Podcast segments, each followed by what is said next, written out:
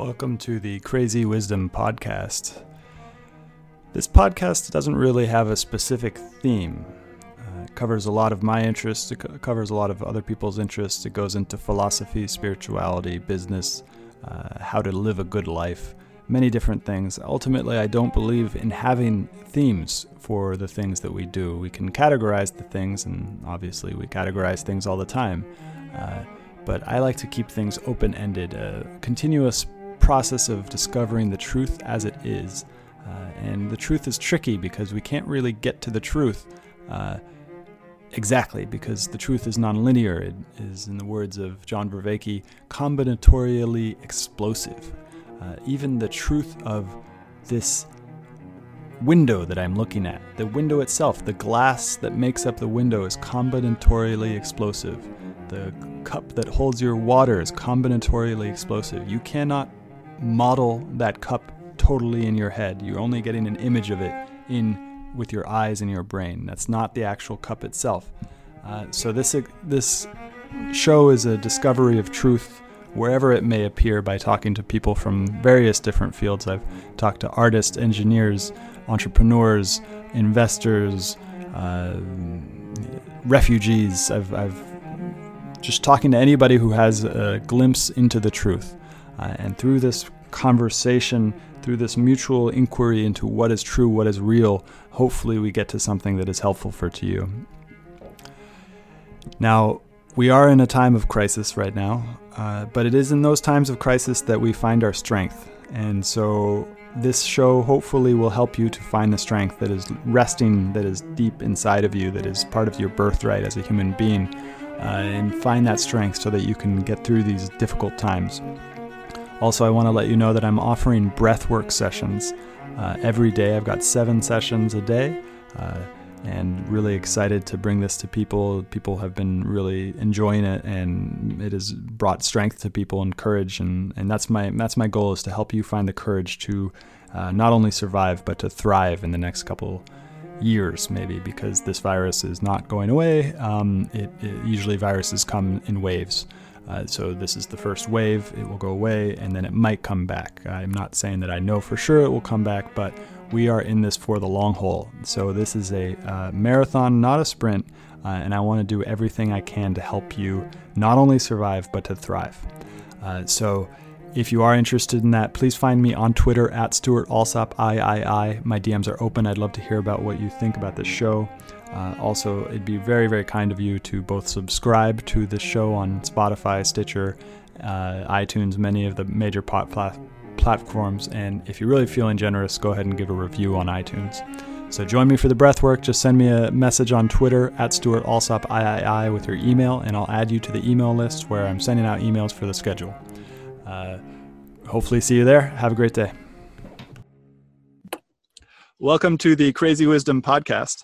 My guest today is Jude Gomila, uh, and he is the CEO and co founder of Golden. Uh, this is the second time I've interviewed him, and I'm really excited about this one because we're going to get into a whole bunch of stuff that I'm way out of my wheelhouse. Uh, we're going to talk about physics, we're going to talk about uh, Eric Weinstein's geometric theory. I'm really, I forgot to post about this, but we're going to talk about David Deutsch's uh, constructor theory.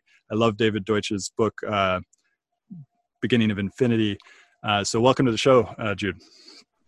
Yeah, this is really great to be on the second. Um, I really enjoyed my first time, and now we're in a different kind of framing of our conversation, i.e., COVID has happened, and we're not in the same room. Uh, we're both remote, and uh, you're in a different location as well. You're on the outdoor outside, like physical outside of outdoors, and I'm I'm inside. So that might be kind of interesting. What what effects that will have on what we're going to talk about. Um, I didn't prepare as much as I should have, um, but that's kind of fun. We, we you know, we, we, talked a little bit uh, before the, this uh, we started recording about how you know sometimes it's cool to have some stuff that is unprepared in yeah. in this podcast as well. Yeah, um, and that's actually the way that I love doing it now. And and well, and and you and you were talking about the supply chain, and I think it's really important to start talking about that particularly. And you you were giving some really interesting abstractions into how the supply chain basically starts before the factory, but the supply chain and the factory are essentially the same thing. Yeah, I mean, yeah, the, the supply chain, I mean, to me, the supply chain is the most, I like models that have as much description capabilities as possible. um, that you can still work with. So, you know, when we're talking about supply chain, um, I think all the way back to the ground in terms of the materials that you're going to order. If it's like a physical product, you know, it goes all the way back to the ground. Um, those machines that dig stuff out of the ground also have their own supply chain that go back to the ground or back to something else. Maybe not the ground anymore. There's new companies like Air Protein who suck carbon dioxide out of the air to make uh, cellular agriculture proteins. And that's interesting in that it puts a kind of mm-hmm. Price on carbon, which is out in the air, and that that is so you know mining is going to go distributed as well. So I was thinking about all these different ways that supply chains are these interesting networks and the effects of them, and especially regarding our, our initial conversation of webcams going out of stock. You said they were going out of stock, right? Yep. Yeah. So so what else? I mean, like there's there's a lot of interesting things that our supply chains were not ready for such a shock to the system. Um, and we, you know, we've optimized these supply chains to be extremely focused on extreme efficiency at the expense of fragility, and they're definitely not anti-fragile. Um, there's some, there's a lot of theory actually in like just if you look at Toyota and just-in-time supply chains, and they've had trucks that have to wait outside the factory, going around custom-built um, you know roundabouts so they keep turning around and around and around so they turn up uh, exactly on time because if they turn up too early then that, that messes the factory up um, and it, and you know you get a blockage for anyone else if they turn up too much too one one hour early if they turn up too late it messes up just in time so you know you have all these buffers inside the system so we know i think people know how to do this um, we just haven't built the buffers if you look at fast fashion and zara um, and how what they did to supply chains to take out all the inventory and what app Tim Cook um, did. I almost said Tim Apple. Um, what Tim Cook did with Apple supply chains, you know, they they took out all. It, and it's the correct thing for efficiency, um, at least efficiency measured in some viewpoint um, of taking out all the stock in, in the supply chain and effectively having no inventory, no capital assets inside the invent, uh, inside the supply chain. But the problem is, if something happens, like a breakage or a spike in demand that's that's way out of seasonality you know we don't we have all these problems with spawning up new capacity um, everybody uh, for covid as well you know each country started locking down certain in- exports um, and and that created a bunch of problems and it showed the flaws of our um, extremely um, in inverted commas efficient that weren't efficient for a wider set of criteria like robustness Mm. Um, so I, I, think we're going to, you know, everyone's going to have to talk about robust supply chains, and that could be point to distribution, distributed systems as well. Um, yeah, there's a lot that we can go into there. Um, I think the one I'm most interested in is how will synthetic biology uh, affect manufacturing? Yeah, this is this is a great one, and and um, it, it, I think it's going to revolutionize it. So from if we think about what it synthetic or bi- what biology is, it's a package of information that can uh, house a hmm. substrate that can interact with the universe around it, especially Earth, and collect collect material, collect capabilities, functions, influence functions around it, and eventually spawn up consciousness in a human. Wow. And from a very small amount of, well, maybe you could say a small amount of code. Uh, some people might view it as a very large amount of code, like an embryo. Um, you know, from, from what I regard as a pretty small amount of, of, of potential information, you can have something that can can uh, the commas put then in the universe. Um, that that's a kind of interesting idea. And then if it can do that, then like, well, sure, it can do something easier, right? Like building a monolithic, homogeneous product like a chair.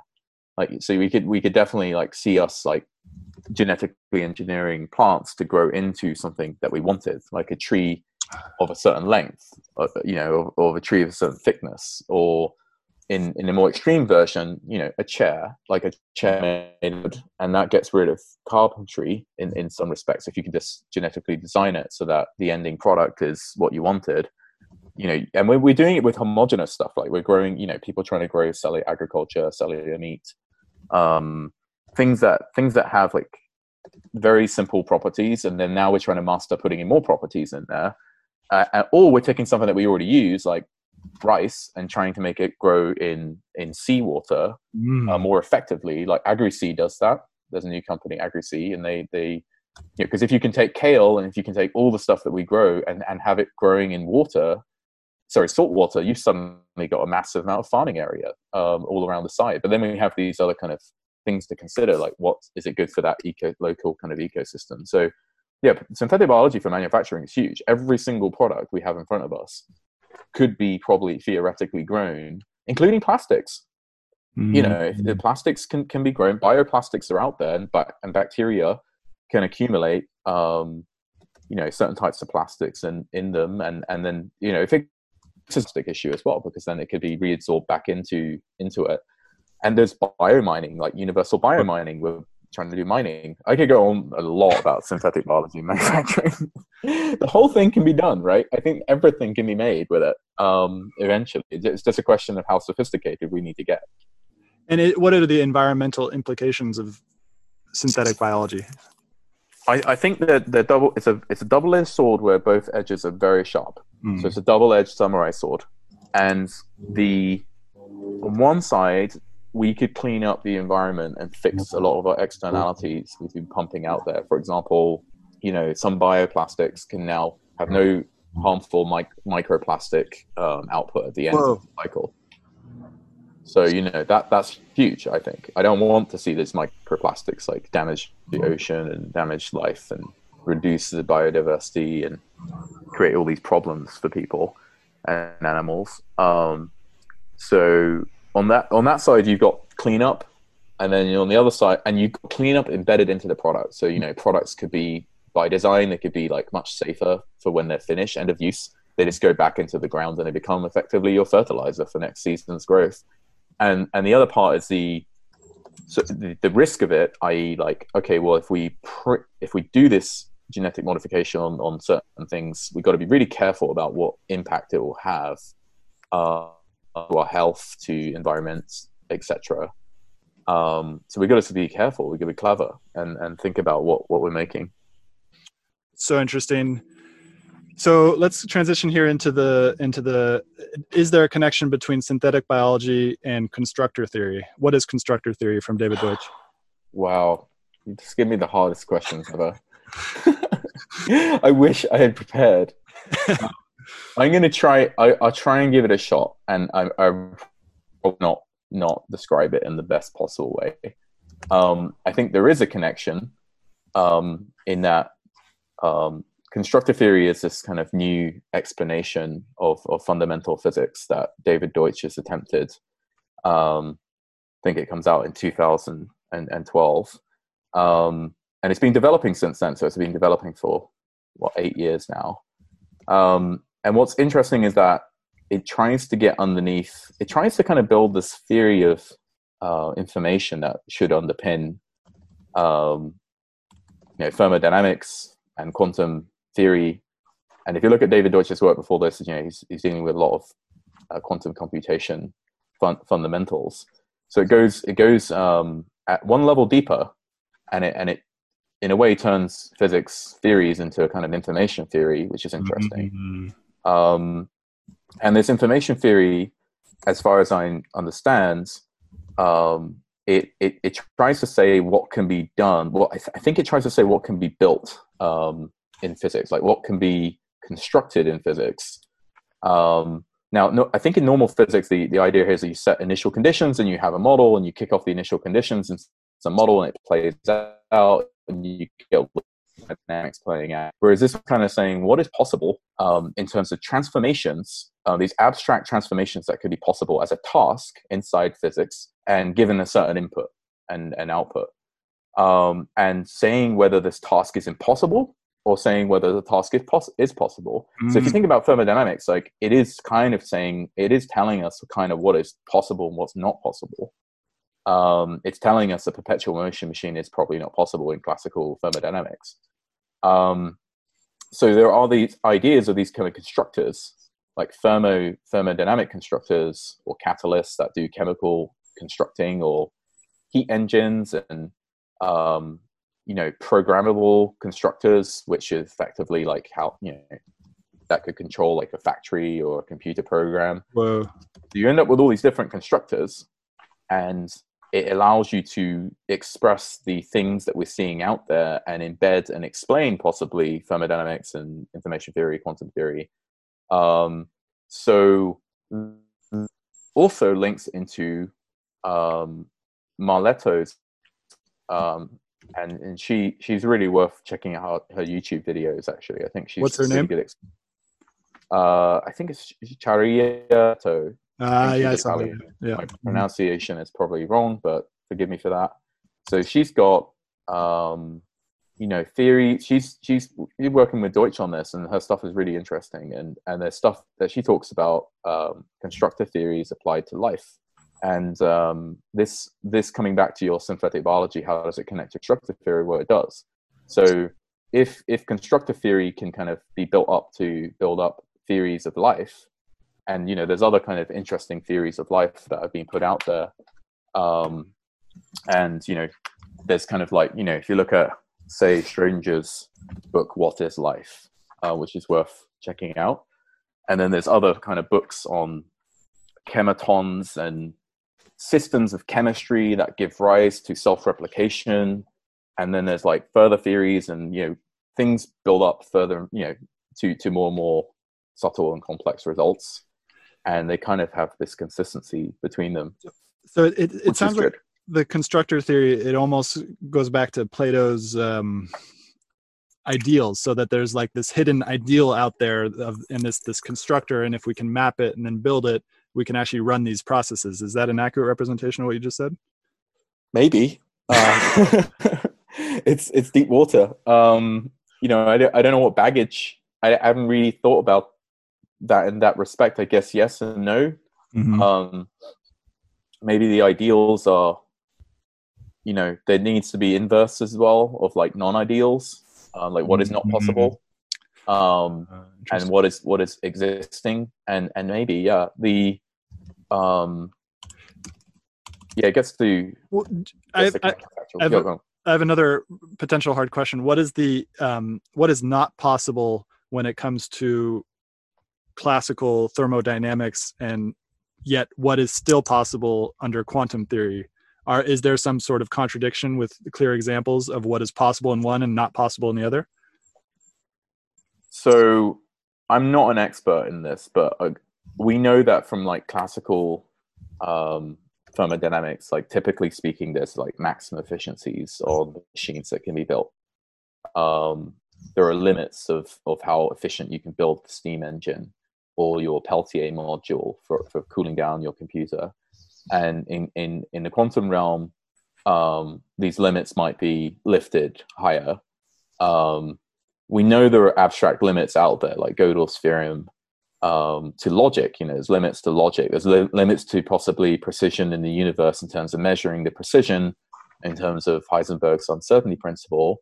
And if you look at wolfram's theory there there are probably limits of computational irreducibility in the system if you run through you know the the you know the the I guess you you have a certain rule set, you play it forward, and you can't necessarily uh, if you look at a state in time in the future, you can't necessarily like, roll it back because you've lost you've lost information in the process, or um, there's there's there's there are limits around that are kind of system wide limits that would imply if we know the limits are at a certain higher range and and something like classical thermodynamics at a lower range of limits, then that maybe that would imply that you know quantum theory would have something limits like between the two on one side of the extreme. So I mean, my hunch is that yeah, there are these different levels of limits. Um, and, and, and the harder question is like, are there no limits? are there no limits outside of the universe or inside the universe?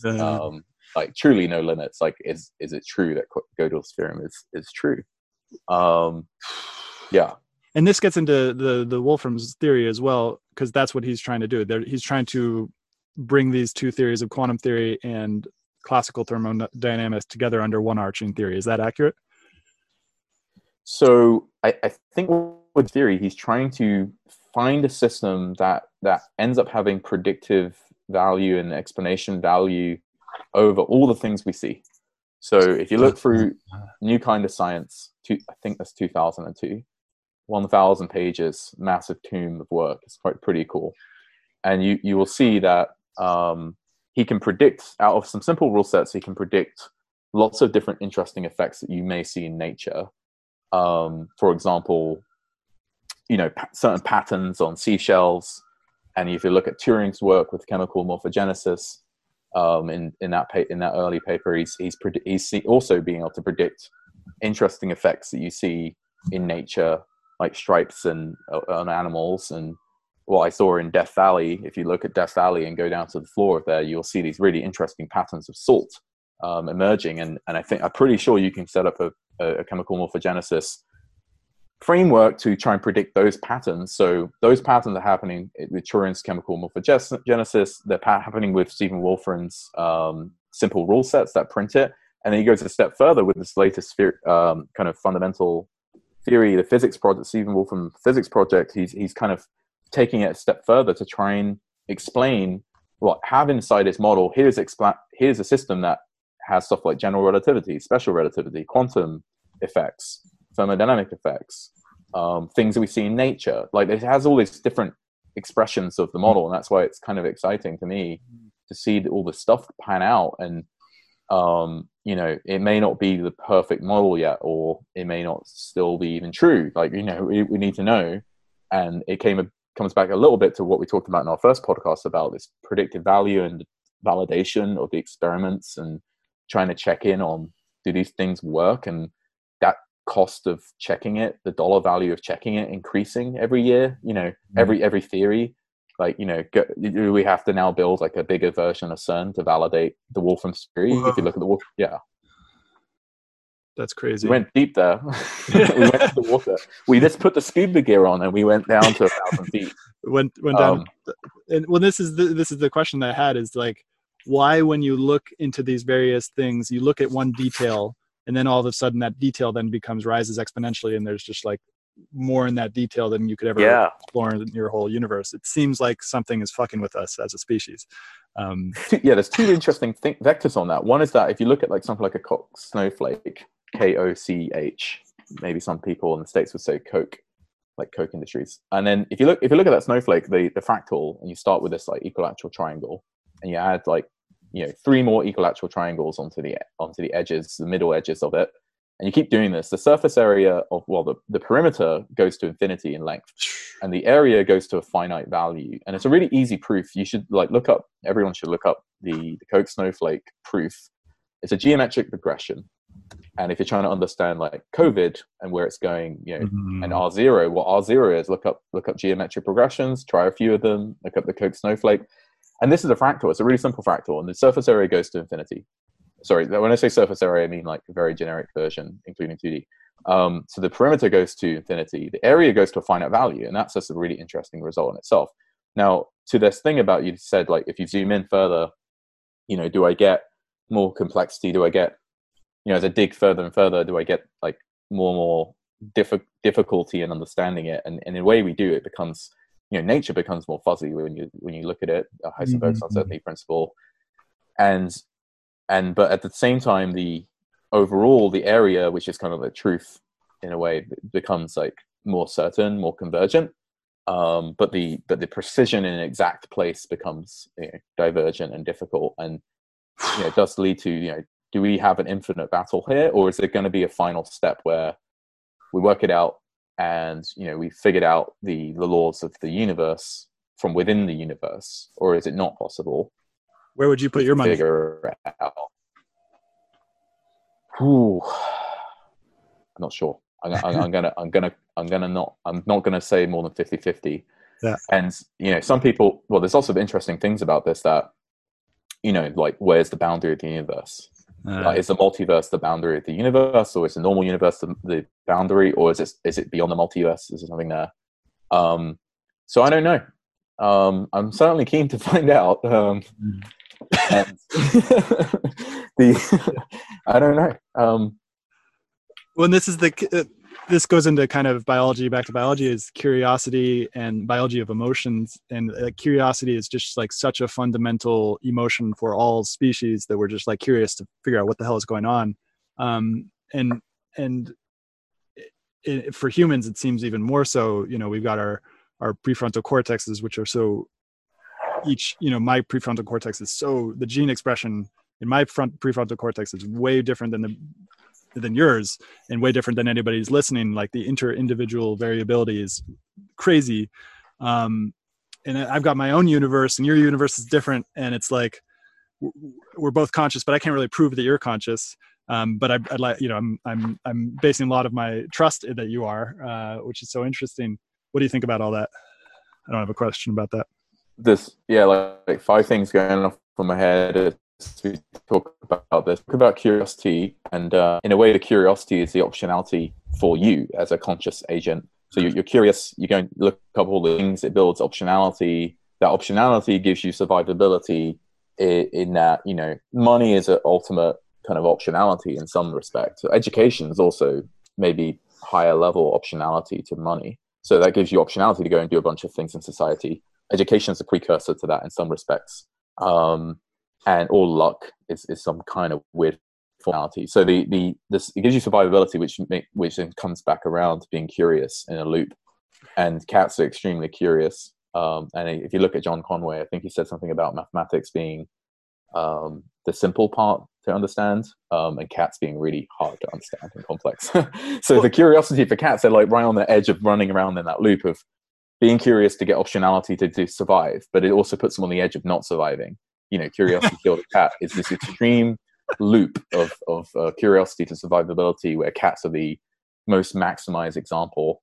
Um, and they and they hit it. They hit gold. They struck gold with the optionality and getting humans to look after them. So that was point one of five. The four, other four disappeared in my mind as I went through this. Yeah, this is the hardest thing about about I'm taking notes as well. It's like which part of that do I take note? And it goes back to that yeah. exponential increase. Like that, there are there are so much that we're talking about right now. Um, well, trust and consciousness. You mentioned about trust and consciousness, and mm-hmm. um, I think you can trust things that are very unconscious. You can probably trust things that are less conscious uh, more. You know, you can trust yeah. a, a, non-conscious uh, binary switch, like a NOT gate, um, a lot more than than something that is conscious. Uh, probably, the more conscious it is, maybe the less trust you can give to it.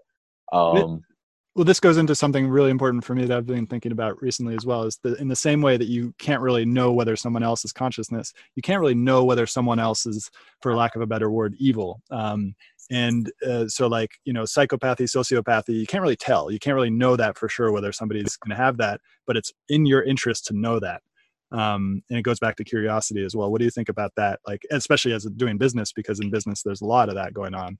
Um, and do you run into it at all? How do you deal with that? Yeah i think i think there are i guess as data as we increase the amount of data on on people individual like there's a whole know your customer movement right? And we see this in the laws like post september 11th there are a bunch of laws that get enacted to know your customer better.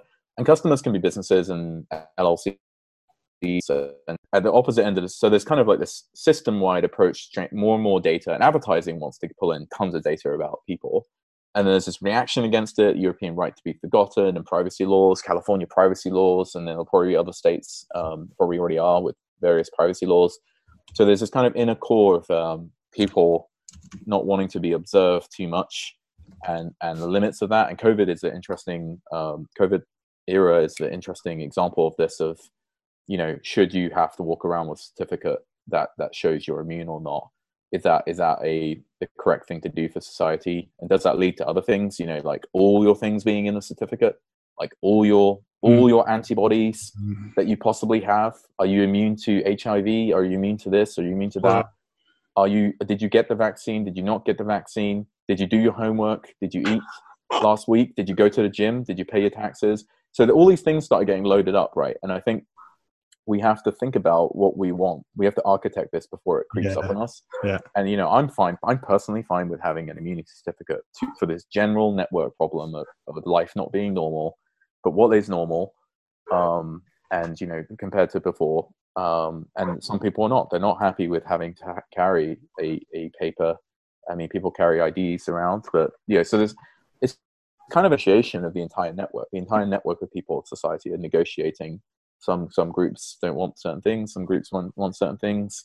Well, and this is something I've been thinking about a lot recently. Is the regionality something that was built into our system of having regions, and then built into a lot of Latin America's system. Um, is just having regions with varying degrees of power when it comes to the centralized state and and just like a whole bunch of stuff and and i'm really glad that that exists um, but we we didn't we we have not reacted to covid-19 in a very regional way um, like you know it, makes sense to me most most sense to me to essentially have every single regional county kind of figure out their own situation.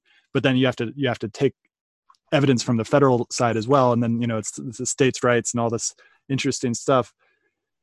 But it seems to me that we are now going to start thinking a lot more regionally, especially because I, I, just talked to a friend in Italy today, and he is um, stuck in Florence. He's now allowed to move in his general city, but he's not allowed to move among the among the province uh, without papers. And then he's definitely not allowed to go outside of the province to go to Rome to fly back to home. Um, so you need to like get documents in order to figure all that stuff out. And, and there's then there's the situation of actually arriving back in the United States because now the United States has a lot of regulation as to what happens when you arrive. Um, and it's so it's like a bunch of regions just made up a lot of rules, somewhat direct, directed upon by the the the relationship to the state as well. What do you think going forward? Where this ends up, and what's the importance of regionality? Yeah, I, I think this this is the COVID situation is a network problem. Mm. So we have to think we have to have network level solutions. So we need solutions on each node and clusters of nodes, which might be regions, and we need solutions for the entire network, which is you know the federal government. And you can't you can't really solve the problem piecemeal. So you can have one state lockdown in the green zone, one state lock, um, doing not lockdown in a red zone, and people if you don't want if you stop people from moving between the two, you've restricted both parties. Um, and that that's necessary. You know, that's an issue. Uh, uh, if you let them mix, then you've just broken one of the one of the sides uh, of a cluster of, of nodes. So I think I think we need to have solutions at all levels, but the other part is a time dimension that we don't want these restrictions to be there for very long. But then again, we got to also be prepared to put them back on again if, if something happens. So um, it's kind of like society being in detention. Like we kind of fucked up here, and we and you know we want to get out of detention. We're looking at the clock, and the va- clock is the end game's the vaccine uh, or like immunity, or like everyone having gone through getting it or not getting it and getting to herd immunity. Some kind of end game there, and we don't want to get into detention again. Getting into you know, and that that would be having like rapid contact tracing systems for the future of new COVID twenty, COVID twenty one, or whatever Yara virus 2.0. Um, and and we need to not get into detention again and get out of detention but we should also observe why we got into detention um, and and and make corrections there. So yeah I, I i think we shouldn't and at the same time the state is also you know at the end of the day we we do vote this this system in in some countries we they don't. Um so we got there's also like different responses for you know individualistic democratic societies versus auto auto uh, autocratic and and other societies that are also democratic um, how are they going to respond differently? But yeah it's a global issue. Everything everything's very interconnected now. And i think if we look at it the lead time of getting a product from say you know wuhan a factory in wuhan into california is going to be shrinking down to zero. So we're going to have as you as you if you look at control theory and if you zoom down some of the cycle times of the feedback loop down to zero you can end up with lots of interesting effects like hunt and overshoot and oscillation and um, so we need to we need to not we need to have systems that are robust and, and can and can dampen these these problems as they come through supply chains. Well i didn't understand that. i didn't yeah. understand that that the lead time from a product in wuhan oh let's go into that. Yeah sorry go on. What does that mean? What you said going down to zero. That means that it's immediate? We used to we used to you know products used to be moved by ships we, we weren't air freighting things. Now the value of certain products are going up and it's worth air freighting. Um, you know, we may end up with hypersonic, I hope we do, hypersonic or supersonic um, planes, and that might go to, you know, supersonic um, air freighting. Like get an iPhone from China, and like you know, hour four hours. Yeah, one hour. So the supply chain, so that lead time goes down, and it, it's inevitable. It's inevitable as we crack these technology problems that the that the lead time goes down, and then mm-hmm. um, and the lead time, you know, ultimate lead time is the factory being right in your hands, and it's zero zero lead time is right in front of you. Um, the other thing is shipping as well. Like there will be shipping innovation. Ships are slow right now. It takes 30 days to get get the 40 foot high cube down from China into the US. that will go to zero time at some point. Um, there will be a very very fast, um, you know, Caspian sea monster like you know, hydrofoil type, you know, ground effect type ship coming at you, um, which can jump over tsunamis with a rocket booster. uh, yes, so I thought about this one, and there's already company building But boundary layer technologies are building this hyper, um, so this uh, hydro, hydrofoil ship shipping container that can cut the speed down by three x. So that's ten days from China eventually. So yeah, the lead time's coming down, and then and then we'll see more distributed manufacturing so come down, and it's that any mistake in the in the system, and COVID is part of that. Um, you know, it's something being on a package or some human like transferring it. Um not just on a package. Yeah sorry go on. So oh hopefully they don't lose this one. Um so Weinstein's point that, and maybe Peter Thiel's point that 1973, I think it was, or 77, I can't remember which, was the time under which we started to favor uh, bits over atoms. Now it seems, and like from my perspective, I understand that World War II was a huge motivator for us to actually build technologies based on atoms. Uh, and then once that kind of went away, you know, it, it, it created more of, an, of a capitalistic understanding to go towards the cheaper thing, which is the, the bits. Um, and now what I see with collapsing of global trade and collapsing for mo- a lot of global trade, uh, I do have a hope that we're going to remain connected globally um, through the interwebs. Uh, but I I see conflict coming, and I hope that it's not going to be existential conflict. Uh, but if it's not existential conflict, I actually see a lot of hope for uh, getting more innovation in atoms. What do you think of that?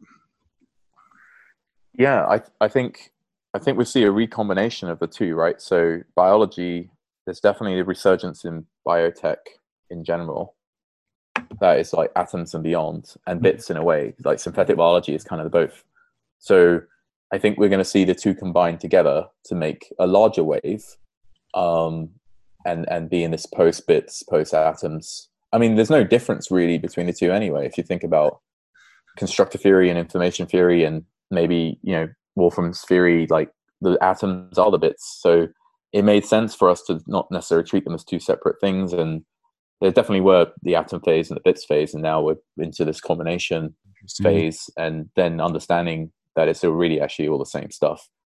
Um, and you know, we're entering a, a, newer information phase where the information phase is is not the classic information age it's of the internet. It's a a deep physics kind of information age. Um, and you know, there's lots of interesting problems with that, and and you know, in terms of innovation because they talk about you know I think one of the gripes um, Thiel has with with the some of the switching here is that we, we we're losing some of the ability to build things like you know I'm hearing you know PPE manufacturing factories taking like five weeks to to set up and that's supposed to be quick um it's not quick so you know quick is quickest one hour and mm-hmm. and or, or one micro nanoseconds mm-hmm. um and and that to me or Planck second or, or, or, or wolfram's like step length in this elemental causal network being super fast so i think um yeah the we are going to do a new phase here probably and biology is like the phase um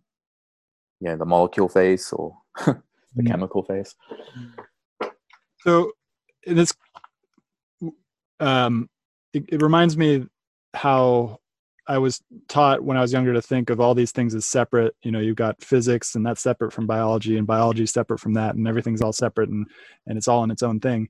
But back in the day, you know, I was listening to John Vervaeke's Awakening from the Meaning Crisis YouTube series, and he talks about um, how Aristotle just wrote the book on all the stuff. He, you know, he wrote the book on physics, he wrote the book on philosophy, he wrote it. He just like he he he was master of all those domains, which is now impossible. Um, but at this fundamental sense, I'm getting to the sense that this deep physics it is all the same, um, and that it is all about connecting all this this different stuff. What do you think? Yeah, I think a number of descriptors of things inside the system are going up, and that that creates a memory management problem for a human um, and it becomes a, a, communication issue between two or more people because we, we it's going to be the namespace gets really um, complex. You know, like the number of things that we can talk about is is is, is mm-hmm. predicated on how fast my mouth can move, and maybe I can get to 350 words per minute. That wasn't 350. Can't do it. Uh, and and but we end up with a namespace issue, a memory management issue. We end up with a brain, um, you know, an issue of us, our pure communication lagging like the situation. But yeah, they they are all kind of connected, and maybe you can end up clustering some of the concepts at lower levels that allow you to unlock specific areas that you might care about um, and that that should change edu- how education is done. I think education is pretty broken right now, mm. um, and and there is no, yeah, I think it's it, it is also hard, hard to think in those as well. Um, and, and everybody likes breaking things out into smaller pieces, and the education system does that, but it kind of goes a bit too far. Um, whereas if we if we had something that rallied around logic and rhetoric and mathematics and everything else, then came around this core, that could be stronger. But right now, say in the UK, it's one tenth. You know, you take ten GCSEs, one of them is math. It's not the core thing that underpins your physics. Um, the logic is not taught, so you know that doesn't help your English grammar uh, or your grammar grammar classes or your literature classes, and it you know it, it doesn't pin into chemistry. They don't talk to each other like these these pieces, right? So whereas in real life they do, and and in, in, in so I think we may have to reform education around not separating them out so much um, what what is your personal philosophy edu- of education when it comes down to your specific education? What is your personal philosophy? Oh, it's it's changing very rapidly because I, I, know very little about it. Um, I'm I'm testing some things out by tutoring um, people. Interesting. And and being tutored myself, and um, I know very little about it. I'm learning new things that completely change some of my assumptions. Um, like someone was telling me yesterday that when you teach a kid like a baby um, the, the, alphabet um, whether you show them capital letters or lowercase letters makes a big difference because when they start reading they they're not going to easily recognize things as all cap a lot of people show them all caps for all cap letters flashcards or whatever and then yeah. they'll or they'll they'll then see these lowercase letters and they'll have to shift gear and they'll not understand it. Um, so there's really subtle things in there. Um, and we don't understand ai yet. Um, so we certainly don't really understand education yet. If you treat it as like non-artificial in- intelligence or whatever. So if we can't train ais to do really complex things and we don't know the mechanics behind that then we probably can't do that at an optimal level for humans so our education systems have to be very suboptimal um, by de- by default like, yeah because we don't even know what education is yeah i, I think if if we we don't really know how the mind works fully, and we don't know how AI. Um, we're not super advanced on AI yet, so you know this this means that we don't know how to educate systems efficiently. Um, but we certainly can do things in the short term to be much better, and maybe orders of magnitude better uh, with what we do know. So yeah, there's a big and and it's it's kind of like a factory. It's like a massive factory that you know the the countries are trying to pop out a bunch of people with education, mass education. So it's like a mass factory that's building pretty shitty product. And we need to make the factory print out Ferraris every single time. Can you mass manufacture a Bugatti Veyron? That's the question. Mm. and what's the cost of doing that, right? You know. Well, this is something I've been thinking about recently as we've seen the the age of unlimited money being pumped into the the US economy and then by default the rest of the the economies around the world as we've seen that we've that seems to have stopped the free fall of the stock market and the, and the stock market's going back up and i've been thinking how can that be so separate from the daily lives of every individual out there like because the daily individual lives are losing jobs mass migrations mm. in india like uh, just not no foreseeable change in their in their income future yep. and then you have the market which is totally separate from that which is and i'm starting to think like maybe we have just decoupled human the human element of manufacturing the human element of the economy from the economy um, yeah, I think they've been decoupled for a long time, and I think the decoupling is just becoming clearer and clearer. Because if you think about, it is strange that the stock market is is rallying, and coming back up so hard,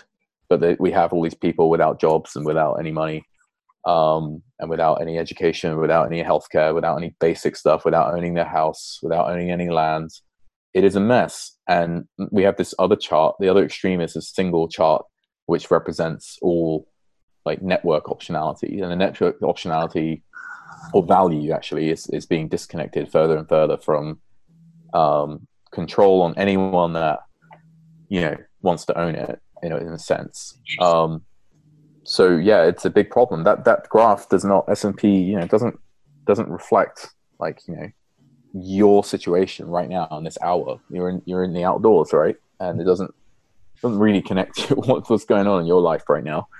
Um, but it seems to underpin like everything. So it's it's a problem. Um, yeah.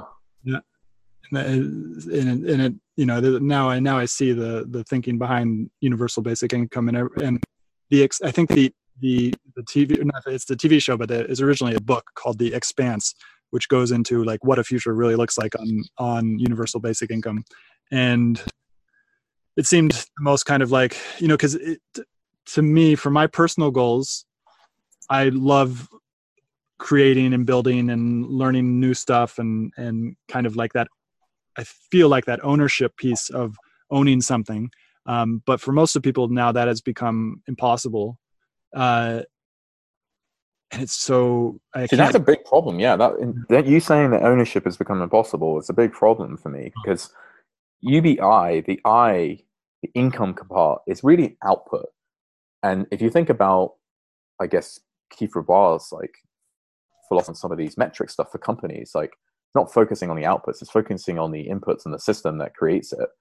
And the ownership is part of that system that creates the income.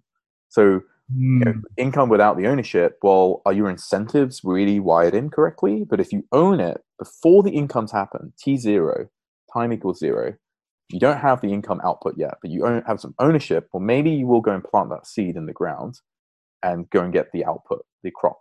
So the ownership is the issue to me uh, and one of the big issues is is is to me to transparency and ownership and it's very radical to say this like in in you know why why can't we see where like what who owns what? Yeah. And public markets are trying to do that in some sense but we don't know who owns what.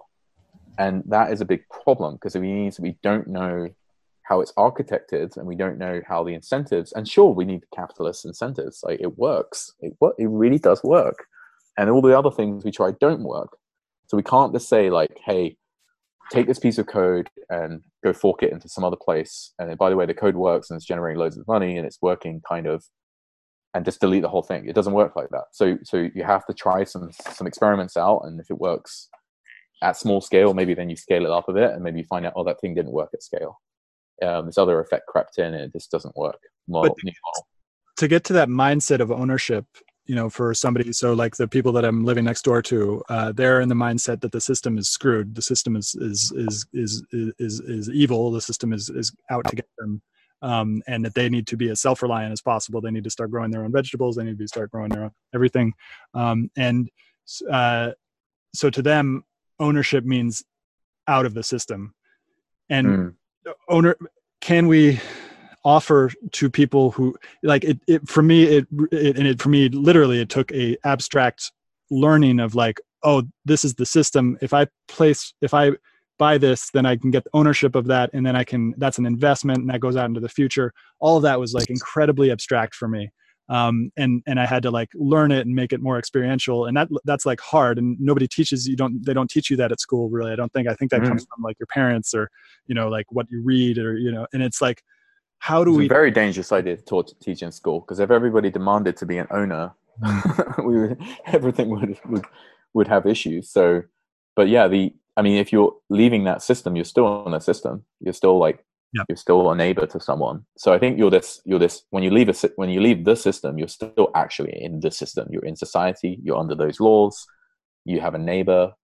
Um, so you, you know people should yeah that that's and that's I, I, think it's good to be an owner for sure but some don't even have the access to even start the game or have been told you know there's the education part and there's the there's the capital part of, of buying in yep and that capital um, takes either time or money and both of which people don't have now well now people have a bunch of time but they don't have money yeah yeah and there's you know there's the question of how to do this because people have talked about resource-based economies for a long time but i've never seen any kind of practical um, mm-hmm. method of even breaking into trying it. And people are talking about UBI now a lot, and they're talking about you know doing experiments here where you can give someone 5k per month in this small group of 200 people and see how they work out that is not a good test. Mm. like, that is such you would have the responses in different areas are going to be completely different.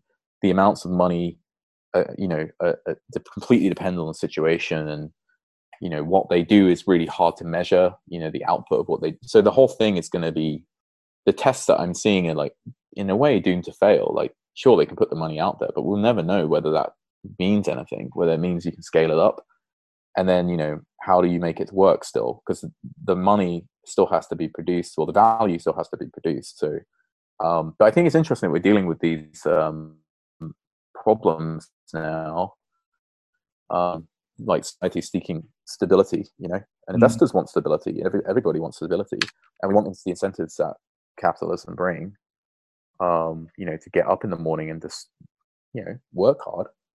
Mm. Um, mm. And that's, and that's essentially, to a large part, part of the population is now is starting to consider the whole system evil again. Um, and that that yeah, this evil part, like I think they need to get away from it because like the system is just a system, and you know it's not it's not conscious. It doesn't have this kind of unless you believe in panpsychism, but it doesn't. It does, you know it's not conscious and it's not it's not evil. It's not out to get you. It's just it's just doing certain things. It's just like having a washing machine that's broken and it's doing this racket and it's, it's spinning around and making this terrible sound. still washing your clothes. It's just not the not the best, and it's not the washing machine's not evil. Um, Interesting. There are some movies where the washing machines are evil, so, so, so it's like, okay, well, how do we fix it? You know, how do we fix the washing machine? You just, um, yeah, you just gave me an interesting. Oh, and I've lost it. Um, so, well, there's the system and it's evil, and people are, are essentially like, yeah, I've created this this idea that it is conscious, that it is out to get them. It, it, it's hard not to in our society because we've lost our ability to derive meaning from various things that gave us meaning, at least for the last 150 years, if not longer. Um, and so this this whole meaning crisis that John Vervaeke talks about, which is which is I, I think very interesting. I think uh, we've been in a meaning crisis continuously from being the most primitive form of life, yeah. in a well, sense. Yeah, no, and they're always it just, it just gets deeper and deeper. The problem becomes deeper and deeper. It's accelerating. That's the yeah. issue that, that, we're now in an age of acceleration, where that is now like very very clear to everybody because I've been I've been likening what COVID nineteen is is essentially a psychedelic trip for a collective uh, species. Like the what happens when you take psychedelics is it, it introduces a lot of noise into the metastability systems, and then uh, and then the and then the system recoheres among a different normal or a different wave, and and you know that could be good or bad depending on who you know who gave it to you, and like all the different kind of things that go into a, a trip. But we're now experiencing that on a societal level. The things that we uh, thought were bedrocks of our society just kind of went out like global air travel. My friend is stuck in italy you know like people are like you can't you can't travel uh, the way that you used to. And and and that's a huge that's a psychedelic trip. What do you what do you think about that i think the meta state that you know we are always in this kind of able um, setup of, of a society and economy and you know the, the the interesting question being like is there a, a better metastable system that works for more people and, and, and generates more total value or whatever your algorithm wants to be and talking about that and having intelligent conversations about it and i don't see the intelligent conversations occurring actually in in in people just playing a game inside the system mm-hmm. And they're not trying to say hey can we write new rules? Can we play a better game? I'm, I'm sick of playing checkers. I want to play go. And and the or I, am sick of playing go. I want to play half-life in vr or something else. Um, so so I think I think we need to, in terms of the psychedelic analogy, it is interesting that the reconfiguration of you know your your mental models or your kind of psyche or whatever when you go through that trip versus what we're going through right now, I think is reasonably kind of interesting, um, and whether it's enough. There's enough changes here coming happening and enough pressure to switch us into a new model. I'm not sure because there will be a vaccine coming probably, and you know we will get out of this COVID era and we'll probably go back to how it was just before COVID happened, except mm-hmm. for people being work from home and all the obvious things that are going to change. But I think the actual main system at play will not change very much. Um, there's not enough uh, movement for that to occur. Well, and I think the um, other the other core component. So in, in the past, we'd had revolutions, uh, and then you, you had the rise of unions when when there was this tie between human uh, output and um, like individual mass human input uh, and and economic output. But now that has gone away, so the bargaining position of of people is kind of out there, and now it makes sense that people now see the system as evil because now that like the other option is to see like I am unfit for this society, um, and a lot of people don't want to feel like they're unfit. Yeah, the, the, the ownership of the labor part is going away from the individual because we are having we have machine, and this was always going to be yep. a pressure to do that because you know um, capital owners or owners of no capital but a system and an objective, an aid with an objective to do something, even without capital, would not, not risk. And they want their survivability mechanics. We kind of have this like antibiotic resistance effect, um, and that is that to the negotiating um, chips that someone has in the system, which is labor, and that's gone. That's going away. Um, there's always another one fallback, which is violence, and that is dangerous one, where you know someone has then at some point that even that will go away it will be you know an individual will not have any ability to enact violence on the system or maybe they will and and um, so that's an interesting one that oscillation of which is in the kind of sovereign individual about defense and offense and the monopoly dynamics of violence for, between the state and the individual. Knights in armor being a classic example. You put the armor on, and suddenly the, the state, the king doesn't have as much power over you. The knights become powerful, and this changes the system. But then gunpowder comes along, blows up your armor, and it's back to a, a more chaotic um, bimodal power power system. But the yeah, the dynamics of that are kind of interesting, and the, and the automation problem and and the labor chip disappearing and that being a lot of misery for people because then they don't have anything uh, money if they have no capital and the time is irrelevant. Then, but then the, the, the silver light, well, the silver lining to this, or the bright the light at the end of the tunnel, light around the tunnel, is is the the ability to be be like entrepreneurial and come up with cool things, and also the ability to own you know the the this you know being able to grow your own things and make your own things. But it's, it's a problem if you don't own own that land. If you're in a council estate in central london and you do not have any place to grow that food mm. and it's a pro- it's a problem. So, so you, a lot of people cannot leave that system. They are a part of it. So we we lots of other conscious anxious people have to go figure out and you know improve it. Well and so this is what i wanted to get into for the last five or ten minutes. Like there is hope in our situation. Like like with every it's we're going through a time of transition um, and and i want this hope to be rational but there is this hope and i think it has to do with technology and i don't think it's a blanket like oh technology is good uh, let's just build technology and then we'll figure it out. Like somebody will figure it out. I think it actually takes that intention of like we are building this thing. Like you said it's a double-edged sword for synthetic biology. So for like people listening to this, how can they start to plan five years ahead, 10 years ahead, after we've gone through this kind of like darkness that we're going to go through as a species and to understand like how do we solve these new complex problems that we're facing? How can we kind of create the vision of a place we want to go so that it can motivate uh, our technology to go that way? Yeah, I think I think taking part in the in the conversation, defining the problems, like you know, saying, "Hey, these are my problems I've got with it," and this is what I want. Defining the outcomes, um, being trying out new things, you know, working hard, not walking away from throwing in the towel, mm. and um, giving some time for for optionality building um, and you know side projects. Some people don't have time to do side projects. Education, valuing education. I mean, it's all the classic answers you you hear about. Yeah. I, I think maybe some of the new ones are, um, you know, people thinking about starting up new companies um, only you know maybe if they got like an interesting idea a product idea or something. So there's, there's definitely like hey i could be one more people could be innovative uh, for sure. Um, and I, I, think that's I, I, guess it depends on who's listening in right? So I, I assume a lot of entrepreneurs are listening in um, so you know banking a company is is, is a pretty interesting one because you get to change you get to shake things up when you do that. And um, and changing out some of the product features as well to to solve these problems. I, I, I notice I don't talk about anything about the political side of this because um, I'm at a loss personally on it. But I think at the same time, if we if you completely disconnect um, then we end up in the situation that we ended up in. So maybe maybe demanding more technical people to be in office. Um, and this is and, what I, yeah. this is what I was thinking with with Andrew Yang. Like Andrew Yang represented something that has not happened. Is like this, somebody is thinking about technology, thinking about it, and like, and has been proven right over the last few months. And it's like, how can we get more of that in our system?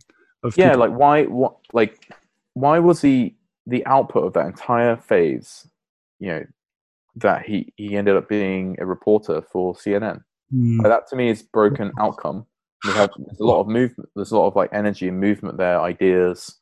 You know, why isn't it that okay? Well, let's get him in to the government, whatever happens, as a special advisor to nation problems or labor and automation problems and solutions, or just like a think tank of dynamic, exciting people with potentially different solutions that can sit there and be consulted.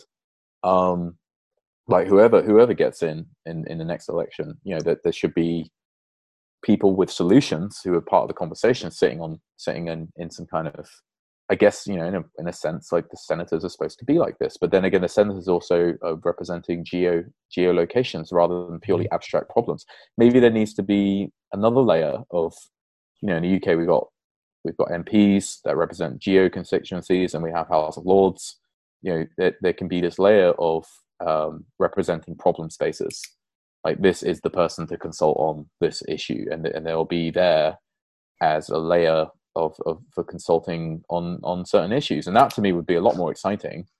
And you know, rather than just being a lobbying game between different geos and comp- competition and all these politics, um, you probably still need that layer, but because because physical space is an important variable, but the abstracted ideas a voice. Um, they do in terms of the day-to-day management of the office, um, but then there's not. There needs to be like ones that are outside of the game uh, between like two major political parties. Hmm. Interesting. Yeah, I, it's it's it's a, it's a, a tricky area. Maybe um, maybe there'll be more radical uh, solutions coming, right? Um, I, I think we're yeah we're we're still in the transition period, and it is going to be like it's uh, like we haven't seen the end of like all, all of the little thing or not well yeah all of the little things that have just been drastically changed by our reaction to covid-19 are um, not yet apparent to people uh, that's what i that's what i'm kind of planning my future on and and so I, I don't think I think it's time to start envisioning that. But as you know, with starting a company, anytime you envision something, it is cloudy as f, and then you've you know you've got you've got all these random things. So it's like we're in that beginning like painful ideation stage where where it's like um, we're still adapting to what's like actually what the hell just happened, uh, and now we've got to actually think yeah. future and be like, okay, this is the future we want. I think that piece is so important to get that. What is the future that we want? um, because uh, I, I do think we have agency over the over over the issue. I don't think we're in control of the to the extent that we've fooled ourselves into believing over the past 50 years. But I do think that we do have some agency into this whole thing um, and that yeah. the, the possible outcomes. And even even if you look at the system, well, I mean, some of the smartest people do not go into that area to solve the problem. They go they go off to do other things, and they go off to chase money. And um, or chase building something cool. Yeah. And so they have a big impact in one area, but they don't affect the whole overarching system. And and this it would be better if you know there was a, a system set up so it attracts the best players to set the rule games and mm-hmm. like oh do we really have the best players in society making the rule games well and this comes up to our generation i think is our generation kind of like is now this is our this is our i would say at least world war one moment where it's like okay everything that we've were raised with is not necessarily going to be around. We have to do something. And that that that's courage. That's where courage comes in. And i think we are our generation is slowly starting to gain courage. Um, uh, and i think that's where it's going to end up. Yeah. And, and something in technology like the creation of armor does change. The technology part is a major part of the conversation because it changes the dynamics of the entire gameplay. So someone inventing something um, like the internet completely changes the ability for the individual to take part in in, in a system and and so does you know armor and in different ways right? Um, so there's going to be there are te- there are things that people that make things, and you know, engineers and product builders and founders and investors, then they can actually have large impact in, th- in saying, well, I've got this great solution to empower the individual, which could be, you know, educate like lifting education, all the education stuff that's kind of interesting as well, or it could be Neuralink with, you know, imagine being able to plug in, you know, information to your mind. It's still further far out, but at that point, it's it's a very different ball game, and it might just be that we have to keep working on the technologies and and get through this stuff, and that and you know, good things will will will come along. Um, I mean, certainly from med- medical area, like that's that's being that's a really cool area where we're solving all these different diseases. Mm. So there's huge progress in in general. It's just we got also these these problems to deal with. So let's talk about Golden and like how how Golden is is is um, going through this and what has happened. What are your main kind of like obstacles, or what are your main what are you looking for? What's what's the situation with Golden? Yeah, so we we went work from home early, um, and this was back in February, early February, and um, it was around. So everybody was jostling to try and figure out, shall we go work from home? Mm. And um, the everyone was looking for the biggest companies like mm. Google and Facebook to do it, and they didn't do it. So there was this problem in the valley where every the government was telling us to do it. We knew that you know this was being called just another flu, or it will go away in April, hmm. or uh, it's five cases only, not a problem. But you know, you're looking at China and they're welding people shut into apartment buildings. What the fuck is going on? Sorry for swearing. Mm. Um, the so we you know we Silicon Valley were definitely very concerned, and then a few companies went. Um, some are much more public than others in terms of presence and scale. Like Jack Dorsey um, took a risk, and he took Square and Twitter remote very early, work from home, and that was on I think that was a Tuesday. I went one hour after independently. Um, Facebook and Google were still not gone. No one else had gone, and I was taking a risk uh, because if you if you do that and you're wrong, no one will trust you ever again. Mm-hmm. So I said, fuck it. If I'm wrong, worst case scenario, we've taken two weeks to work from home, if or, or even a month. If, if I'm right, then we maybe we've taken part in causing a hmm. trigger mm. in the system to people to, to start going work from home. And if you look at San Francisco stats, it's not bad at all right now. Mm. Uh, I really hope those early actions by the companies and lots of people were talking amongst each other on WhatsApp, discussing should we do it, should we not do it? because we knew that the actions would cause reactions in all the rest of the companies and portfolio companies and it would you know that would start causing a cascade and you know uh, so you've got to be really careful when you ring that fire alarm you can't you know if you smell smoke and you're in a massive building with thousands of people you don't necessarily press that hit that smash that glass and and hit the fire alarm and some companies did it and it turned out to be correct that the fire was on um, and then LinkedIn went on the Wednesday, I think, and then Facebook and Google. That we, we started hearing, oh, Facebook and Switzerland's doing it, and no, sorry, uh, Google in Switzerland's mm-hmm. now working from home. So there's this cascade for that week, and then it went to the next week, and then we started seeing local governments say, hey, we're you know we're going to recommend like they saw like you know all the big tech companies do it, and then you know the the, the local municipality is not or city has not done it yet, and certainly not at federal level, state level.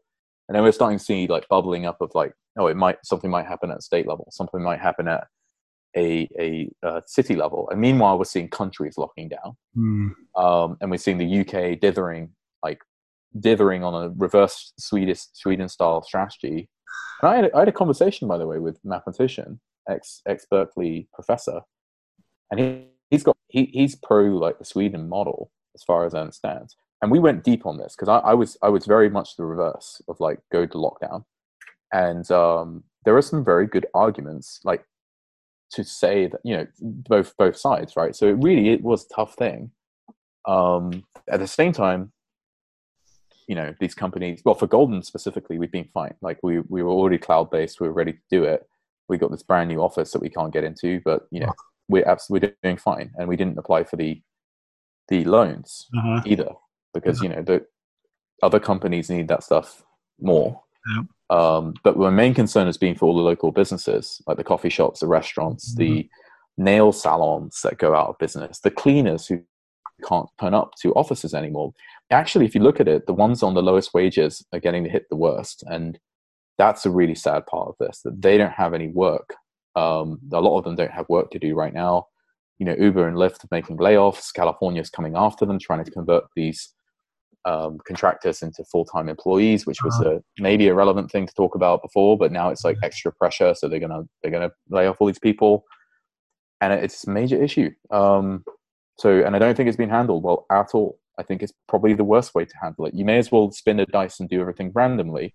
I think we would have actually had better answers if we'd done everything completely yeah. randomly than the way it's been done. And that's sad. Yeah, and that's one of the hardest things is like how do we deal with the fact that our the things that we're supposed to be the adults in the room are have massively like just not been able to deal with the complexity of what we just went through of what we're still it immediately became politicized that was a big problem yeah. like we, we're in this hyper politicized mode where anything any issue even like the name of elon musk's baby.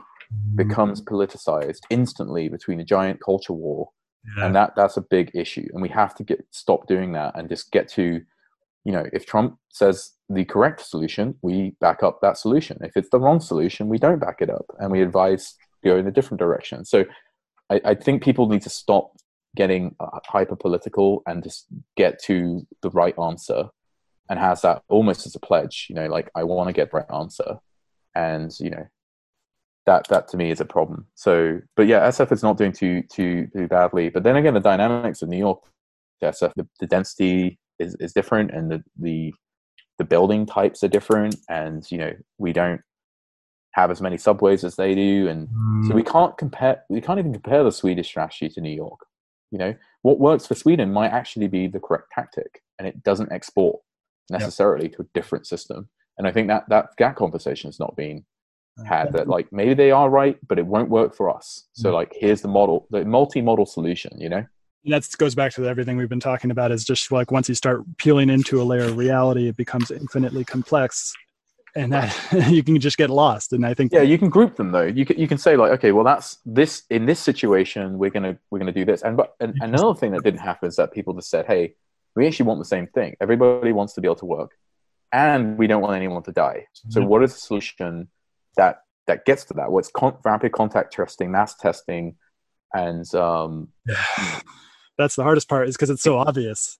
Like and so- getting immunity certificates, yeah, and then get get people out to work if they're at low, low, very, very low risk and immune, and then you know, and everybody wearing masks. Well, we can still be out there, you know, and then then then the debate moved to like uh, people thinking social distancing meant physical meant um, well, social distancing was the wrong word. Yeah. It should have been called physical distancing because mm. it had all these implications for online stuff and the psyche of people going into like getting depressed about not being able to see their friends and stuff and it and it wasn't about, about social it was about physical and the word in the word choice that went around in, yeah. in, and the media is kind of you know part of part of the echo chamber here that that was a big problem and now people think you know oh i can't go outside and go on a surfboard that's not the problem you yeah. can get on a surfboard the problem is after you've surfed hanging around in the parking lot with 15 people and then going into going and all hanging out together that's the problem it wasn't the surfing that's the issue yeah. I doubt like when you're riding a wave, you're going to like cough on someone else